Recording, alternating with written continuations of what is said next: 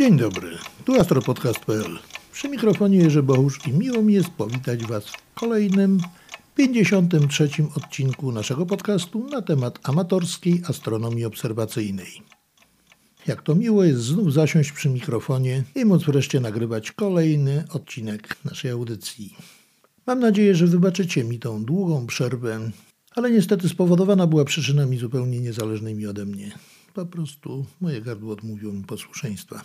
Dopiero teraz mogę spróbować nagrać kolejny odcinek i mam nadzieję, że już wkrótce wszystko wróci do normy i będę mógł regularnie nagrywać kolejne odcinki naszej audycji. I tak niepostrzeżenie minęły dwa pierwsze miesiące nowego roku. Mamy już marzec.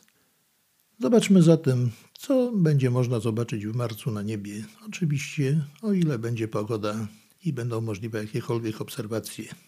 Marzec jest przełomowym miesiącem w astronomii.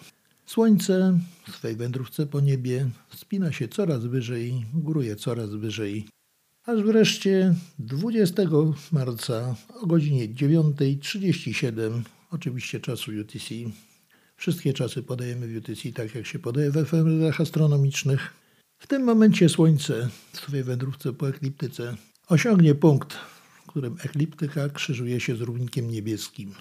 I w tym momencie nastąpi astronomiczna wiosna. W praktyce będzie to oznaczać, że dzień i noc 20 marca będą trwały jednakowo długo.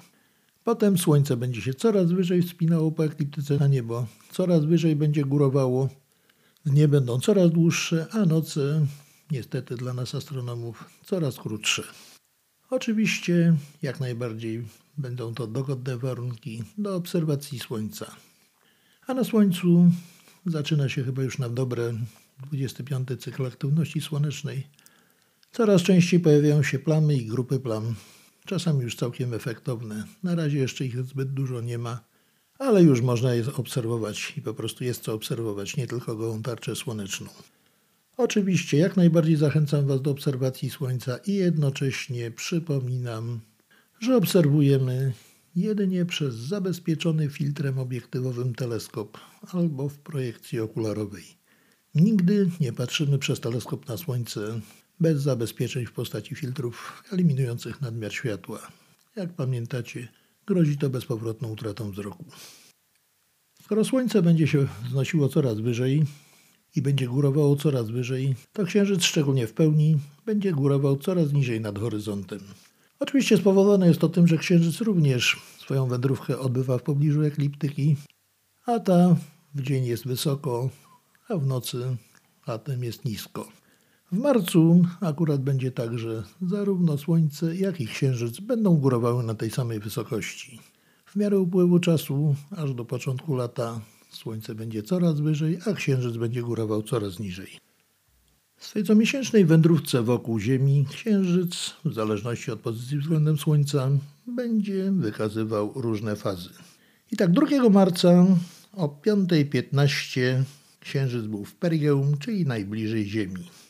6 marca o 1.30 będzie ostatnia kwadra, zwana również trzecią kwadrą Księżyca. Księżyc będzie w kształcie takiej litery G. 13 marca o 10.21 nastąpi nów Księżyca. Księżyc będzie niewidoczny. 18 marca o 5.03 Księżyc będzie w apogeum, czyli najdalej od Ziemi na swojej orbicie. A 21 o 14.40 nastąpi pierwsza kwadra Księżyca. 28 marca o 18.48 nastąpi pełnia, a 30 marca o 6.15 Księżyc znów osiągnie perigeum. Czy jak widzicie, dwa razy w tym miesiącu Księżyc będzie najbliżej Ziemi. W swojej wędrówce po niebie Księżyc mija poszczególne planety. Jak wiecie, moment największego zbliżenia dwóch obiektów na niebie nazywamy koniunkcją. I następuje to właśnie wtedy, kiedy Księżyc akurat będzie mijał poszczególne planety. I tak 9 marca o 23 Księżyc mija Saturna. Będzie szedł 4 stopnie pod planetą. 10 marca o 15.36 tak samo 4 stopnie poniżej minie Jowisza. 11 marca o 1.06 minie Merkurego, też 4 stopnie poniżej. 13 marca o 0,20, czyli tuż po północy, minie Wenus, też 4 stopnie poniżej. 13 marca także o 2.42 minie Neptuna, tak samo 4 stopnie poniżej. 17 marca o 1.55 Księżyc minie Urana 3 stopnie poniżej, a 19 marca o 17.45 minie Marsa zaledwie 2 stopnie poniżej. Jak widzicie, nie będą to bliskie koniunkcje. Jeżeli by się udało Wam w ogóle je zaobserwować, to wszystko będzie w pobliżu Słońca, potrzebna byłaby lornetka o polu widzenia co najmniej 5 stopni. Szczególnie, żeby zaobserwować koniunkcję z Neptunem, Uranem. Niestety nie są one widoczne gołym okiem. Oczywiście w swojej wędrówce wokół Słońca, tak jak widzimy je wędrujące po niebie, planety też mijają się wzajemnie. I tak 5 marca o 5.45 Merkury przejdzie 30 stopnia na północ od Jowisza, a 14 marca o 4.07 Wenus przejdzie o 40 stopnia na południe od Neptuna. Jeżeli by się udało zauważyć Wam koniunkcję Merkurego i Jowisza, będzie to widoczne gołym okiem, chociaż lepiej przez lornetkę. Niestety Wenus i Neptuna, gdyby udało Wam się zaobserwować, będzie to widoczne jedynie przez lornetkę, bo jak wiadomo, Neptuna nie widać gołym okiem. Jak już mówiłem wcześniej, 20 marca o 9.37 nastąpi astronomiczna wiosna. Słońce przejdzie przez punkt przecięcia równika niebieskiego i ekliptyki i powędruje dalej w górę, rozpoczynając właśnie wiosnę astronomiczną. 30 marca o 3.29 Merkury minie o 1,3 stopnia na południe Neptuna. Jeżeli by się udało Wam zaobserwować to zjawisko, potrzebna byłaby jakaś porządna lornetka, ale to wszystko o tej porze to jeszcze będzie niziutko nad horyzontem. Mogą być poważne trudności z zaobserwowaniem. Widoczność planet w marcu nie będzie zbyt dobra. Większość jest bardzo blisko Słońca. Przeważnie będą widoczne nad ranem, nisko nad horyzontem, tuż przed wschodem Słońca.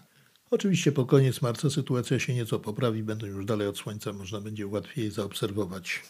W każdym razie na początku marca możecie mieć poważne trudności z zaobserwowaniem planet, no za wyjątkiem Marsa, który jest widoczny na wieczornym niebie, ale już oddala się znacznie od Ziemi. Jest jego tarcza coraz mniejsza, coraz słabsza, coraz mniejszą jasność ma.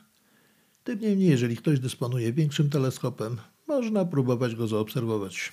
Może się uda jakieś czapy polarne zobaczyć, a przez duży teleskop przy czystym niebie może się nawet udać zaobserwować jakieś plamy, ciemniejsze obszary morskie, jaśniejsze obszary lądowe.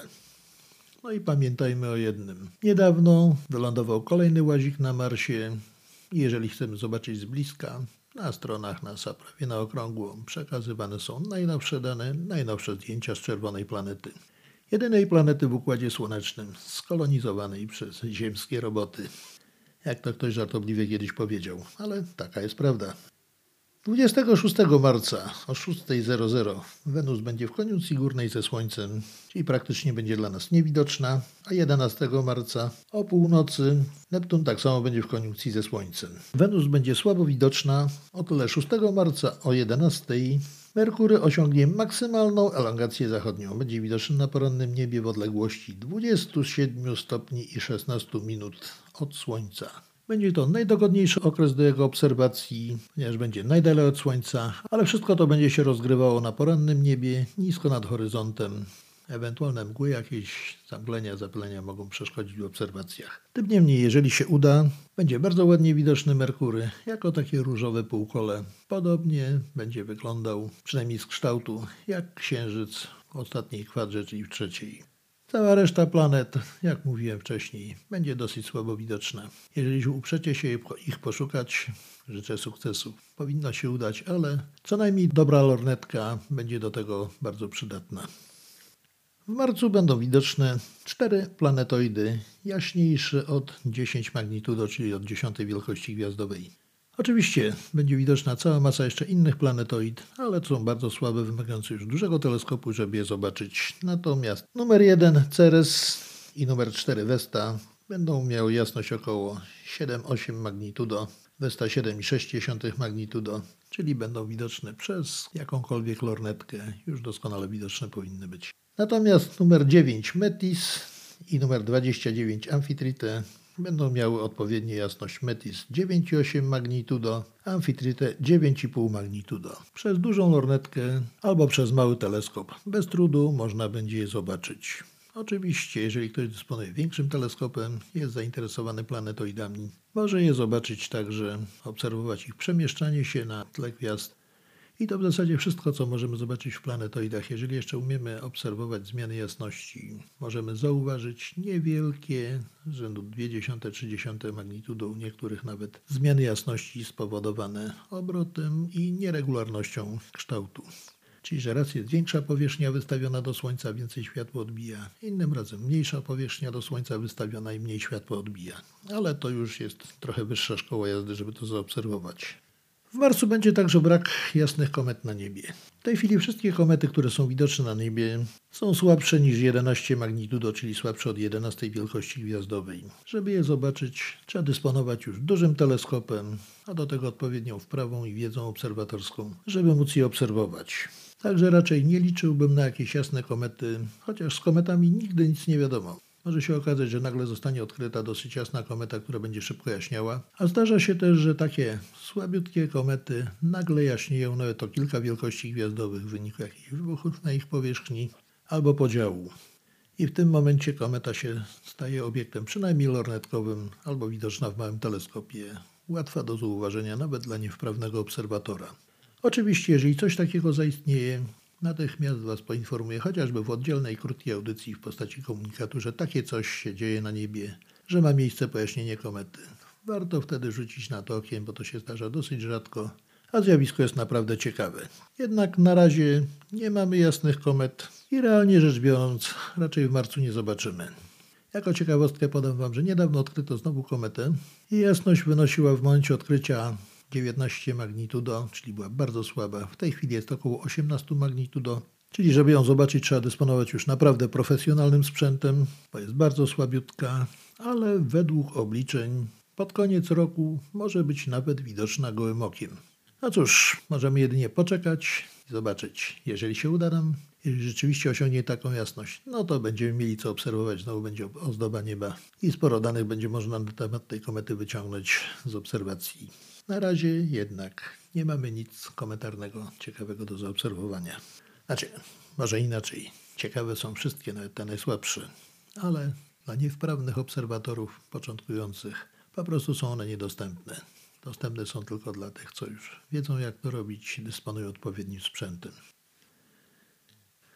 Oczywiście księżyc w tej wędrówce po niebie mija gwiazdy. Czasami się zdarza, że przechodzi na ich tle, zakrywając je. Dla zwolenników zjawisk zakryciowych, którzy chcieliby zobaczyć takie coś, a naprawdę jest to zawsze bardzo piękny widok i bardzo taki pouczający, bo jednocześnie mówi o braku atmosfery. Ewentualnie można stwierdzić w wyniku takiej obserwacji bardzo ciasną podwójność gwiazdy. Także warto takie zjawiska obserwować.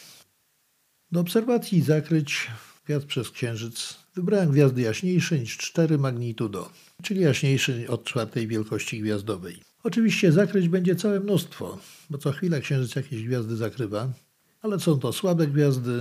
Żeby to zobaczyć, wymaga to dużego już teleskopu, odpowiedniej wprawy, odpowiednio czystego nieba. Natomiast zakrycia takich jasnych gwiazd widać już doskonale przez lornetkę. Oczywiście ustawioną na statywie, bo w ręku tak długo jej nie utrzymamy, będzie się obraz trząsł. Ale jeżeli ktoś chce zobaczyć, naprawdę zjawisko jest bardzo efektowne, spektakularne i warto je obserwować. I tak 5 marca około godziny 4 nastąpi zakrycie omega 1 Skorpiona. Gwiazda nazywa się Kowkin w arabsku. Ma jasność 3,9 magnitudo. Zakryta będzie za jasnym brzegiem. A około 5.00 wyłoni się z za ciemnego brzegu. Nastąpi odkrycie za, brzegiem, za ciemnym brzegiem. Po prostu nagle na krawędzi pojawi się gwiazdka. Zakrycie za jasnym brzegiem może nie jest aż tak efektowne, bo nie ma tego kontrastu. Gwiazda znika oczywiście, ale nie widać tego, tak nie rzuca się w oczy. Natomiast zjawiska przy ciemnym brzegu, zarówno odkrycia, jak i zakrycia, są bardzo efektowne. Gwiazda nagle znika albo nagle się pojawia przy odkryciu. I 27 marca o godzinę 18, około godziny 18 znowu zastąpi zakrycie gwiazdy New Virginis, czyli New Panny O jasności 4 magnitudo zakrycie nastąpi za ciemnym brzegiem, czyli będzie łatwo obserwowalne, bardzo efektowne. Oczywiście, jeżeli ktoś ma już jakąś wprawę, chce zobaczyć więcej, może popróbować obserwacji zakryć słabszych gwiazd. Jeżeli tylko jasne światło księżyca nie przyblokowuje ich blasku, to te zjawiska są też bardzo efektowne, bardzo ciekawe. Ale jak mówiłem wcześniej, do zakryć słabych gwiazd najlepiej jest już użyć teleskopu. Gdyby ktoś był zainteresowany, proszę o kontakt, podam wtedy źródła. Gdzie szukać momentów, gdzie szukać efemeryt, będzie można sobie poobserwować. Te wszystkie zjawiska zachodziły w naszym układzie planetarnym, czyli układzie słonecznym. Ale oczywiście przecież mamy do dyspozycji całe niebo. Oprócz planet, księżyca, słońca mamy całe mnóstwo gwiazd, w tym również gwiazdy zmienne. Mało wprawnym obserwatorom zainteresowanym gwiazdami zmiennymi proponuję zawsze obserwację Miryt. Są to gwiazdy bardzo jasne, czerwone, zwane czerwone nadolbrzymie, zmieniające swoją jasność w wyniku zmiany promienia gwiazdy i temperatury. One rzeczywiście pulsują, raz są większe, raz są mniejsze. W skrajnych przypadkach zmiana promienia gwiazdy, czy albo średnicy, jak to woli, może dochodzić nawet do 20%, ale to już jest absolutnie skrajny przypadek. Zazwyczaj dochodzi do, od kilku do kilkunastu procent. Okres zmienności tych gwiazd waha się gdzieś najkrócej od pół roku, czasami prawie do dwóch lat. I tak 3 marca jest maksimum jasności gwiazdy Chi, łabędzia, czyli Chi Cygni. Osiąga jasność 5,2 magnitudo, czyli w idealnych warunkach powinna być widoczna gołym okiem bez problemu. Taką jasność osiąga w maksimum. W minimum jej blask, czyli jasność spada do 13,4 magnitudo. Żeby ją zobaczyć, potrzeba już naprawdę sporego teleskopu, co najmniej 25 cm, żeby ją wyraźnie można było zobaczyć, a jeszcze lepszy byłby większy. 9 marca mamy maksimum blasku minorum, czyli R bliźniąt. Będzie miała jasność 7,1 magnitudo, a w minimum spada jej blask do 13,5 magnitudo, czyli znowu bardzo duże wahanie jasności.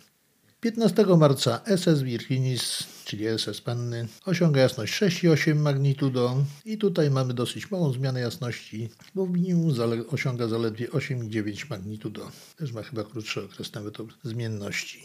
Następnie 16 marca Erwolarza Erbotis osiągnie 7,2 magnitudo, a w minimum spada jej jasność do 12,3 magnitudo, także też dosyć, dosyć głębokie minimum ma.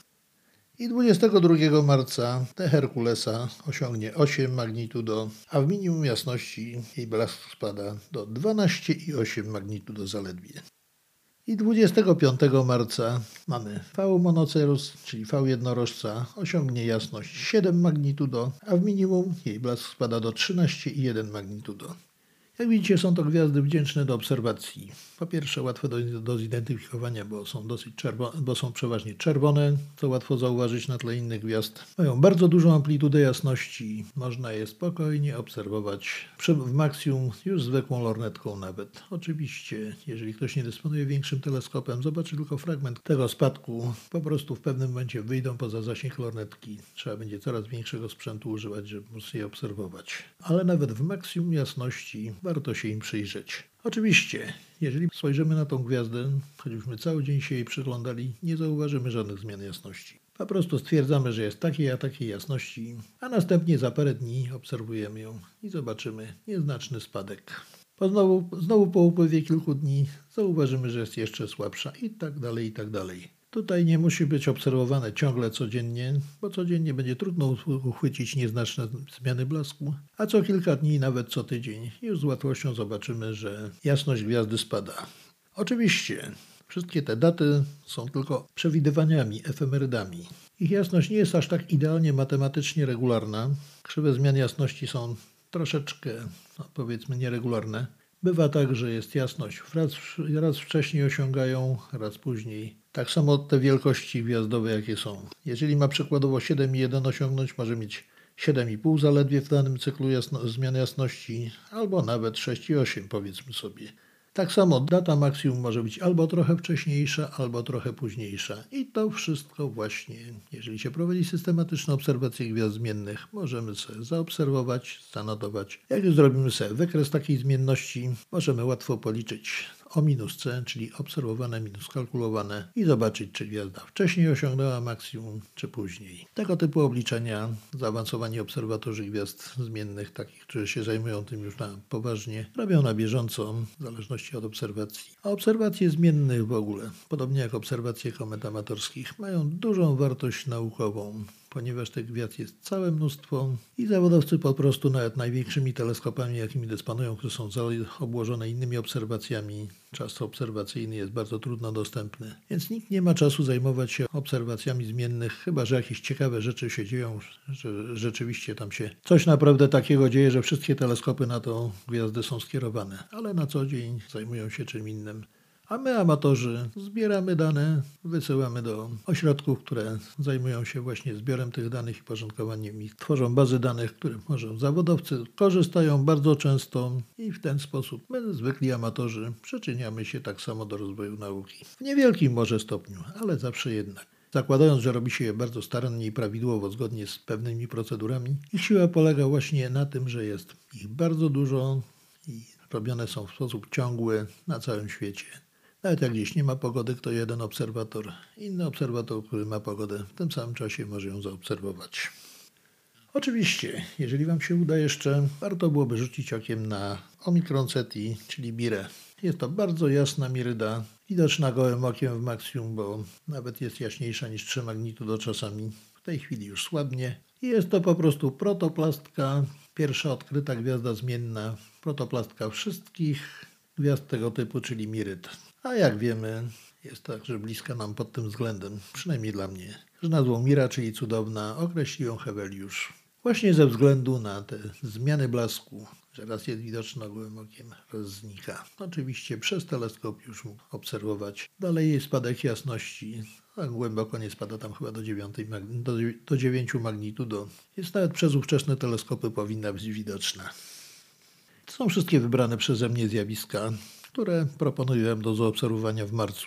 Oczywiście oprócz tego do dyspozycji mamy jeszcze całe niebo z całym jego bogactwem. Możemy sobie obserwować zarówno gwiazdy podwójne, zwłaszcza też dwukolorowe, bo i takie są. Możemy obserwować gromady gwiazd, przeważnie są dosyć jasne, widać je łatwo w lornetce albo w niewielkich teleskopach są bardzo efektowne, ale instrument powinien mieć dosyć duże pole widzenia, żeby je uchwycić spokojnie i w całości. Chociażby przykładem takim są plejady widoczne gołym okiem, ale już przez niewielką lornetkę ukazują całe bogactwo swojej zawartości. Okazuje się, że to jest nie tylko tych siedem gwiazdek, ale cała, cała masa jeszcze innych słabszych gwiazd, czasami fajnie ułożonych w taki łańcuszek charakterystyczny dla plejad. Ale widać to dopiero przez lornetkę albo przez teleskop. Możemy także obserwować gromady kuliste, szczególnie te jaśniejsze też przez lornetkę widać. Chociaż widać jak tylko taką plamkę o strukturze takiej jak gdyby ziarnistej. Potem zawsze poznajemy, że to jest gromada kulista, nie na przykład kometa.